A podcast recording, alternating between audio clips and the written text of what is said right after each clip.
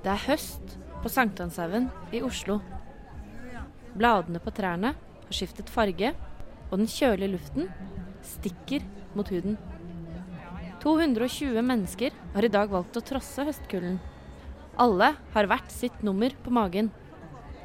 Omgitt av vaffellukt og fuglekvitter gjør deltakerne seg klare for dagens store begivenhet.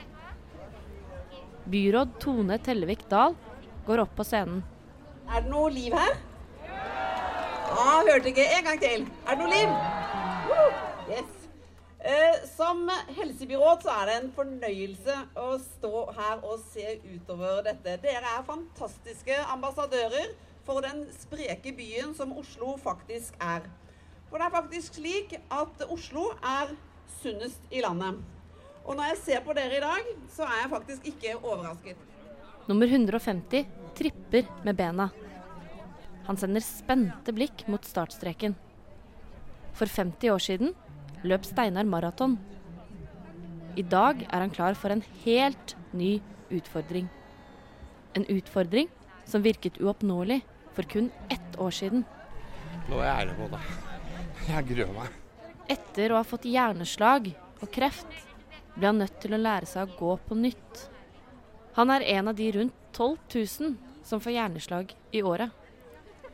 De første månedene etter slaget klarte Steinar så vidt å bevege seg. Han klarte verken å skrive eller å snakke, og han slet med å smøre smør på sin egen brødskive. I dag går det bedre, men fremdeles er han lam i en finger på høyre hånd og har vanskelig for å skrive sitt eget navn. Han har trent til dette løpet helt siden i fjor vinter.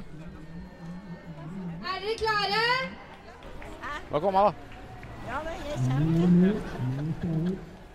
Én etter én går deltakerne mot startstreken.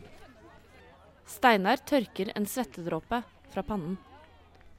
Nedtellingen er i gang. Klar, ferdig, gå! Det spinner i grusen når rullatorene skyter over startstreken. Steinar trekker gåstavene sine tett inntil kroppen og tar innersvingen på en gullbelagt rullator før han målbevisst går inn mot første sving. Jeg må gå forbi her. På hodet har han en rosa bøyle med to palmer som vaier i takt med de løpende føttene hans. Rundt halsen har han en blomsterkrans i grønt, rosa, gult og oransje. Det er ikke bare den raskeste som får premie i dag, men også den med det fineste antrekket. For det er jo litt moro å kunne pynte seg litt. Jeg lage litt ut av det, syns jeg. Når en først skal være med på et arrangement. Det er rullator og stavgangsløp på Sankthanshaugen i Oslo. 220 pyntede deltakere har møtt opp. De fleste skal gjennom en løype på en halv kilometer, og de ekstra spreke skal få løpe dobbelt så langt. I mål blir de møtt med medalje og diplom. Nå må vi gå fort. De heier så fælt. Det er ålreit, da. Men hva er det egentlig som skjer med kroppen når den blir eldre? Hvorfor er det slik at en halv kilometer føles like krevende som et maraton? Eh, Det vet vi jo en del om.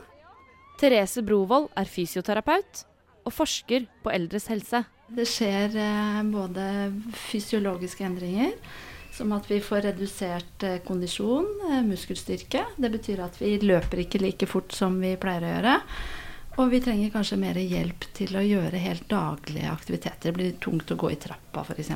Fra du er 20 til du er 80 år, så mister du omtrent 40% av muskelmassen din. Og i tillegg så skjer det da også parallelt en reduksjon av muskelstyrke. Sånn at musklene blir tynnere, men de blir også mindre kraftige. Og det skyldes at muskelfibrene de er bygget opp av både raske og langsomme fibre. Og når du blir eldre, så mister du de raske fibrene. De trenger du for å ha god balanse, for å gå i trapper og for å reise deg opp fra en stol, blant annet da. Og for å løpe fort, selvfølgelig. Da kommer Steinar. Ja, Han ja. skal pynte seg. Det, Brødre. Takk for det. ja. Hallo. Du har flytta hit nå. Se hvor slitne vi er. Har ikke begynt å svette ennå. Steinar er halvveis i løpet. Han puster tyngre, og hvert skritt faller hardere og hardere mot bakken. Ja, vi kjenner i beina. Steinar sender lengtende blikk til toppen av bakken. Han begynner å kjenne smerten i det opererte benet sitt, og strammer grepet om stavene sine. Den gullbelagte rullatoren ser sitt snitt og tar tilbake ledelsen. Men jeg er ikke så sprek ennå. Så jeg kan begynne å løpe rundt. ja, ja, ja, ålreit, da. Til venstre for han står en heiagjeng på fire stykker, alle iført hver sin gule refleksvest. Tre av de klapper med hendene, mens sistemann veiver med armene. Alle jubler og roper. Det er farlig med sånne heiagjenger når man yter litt ekstra. Steinar har endelig kommet seg på toppen av bakken. Men plutselig stopper det opp. Den gullbelagte rullatoren har satt fast hjulet sitt i det fuktige gresset. Og det har blitt kø i løypa. Ja, ja, ja, ja. Det er bare litt kork her. Det er bare Steinar og gåstavene hans som kommer seg forbi. Ja, vi må jo Nå er det bare nedover igjen, så da Bakken. Ja, kom igjen nå, da. Litt høyere, litt høyere. Yeah! Vi greide nå. Langt der fremme, i bunnen av bakken, kan Steinar skimte målbannerne. Ja, vi må sette litt mål. Vi må ha innspurten. Han samler de siste kreftene i sprinten mot mål. Yeah! Oi. Ja, jo, jenta mi.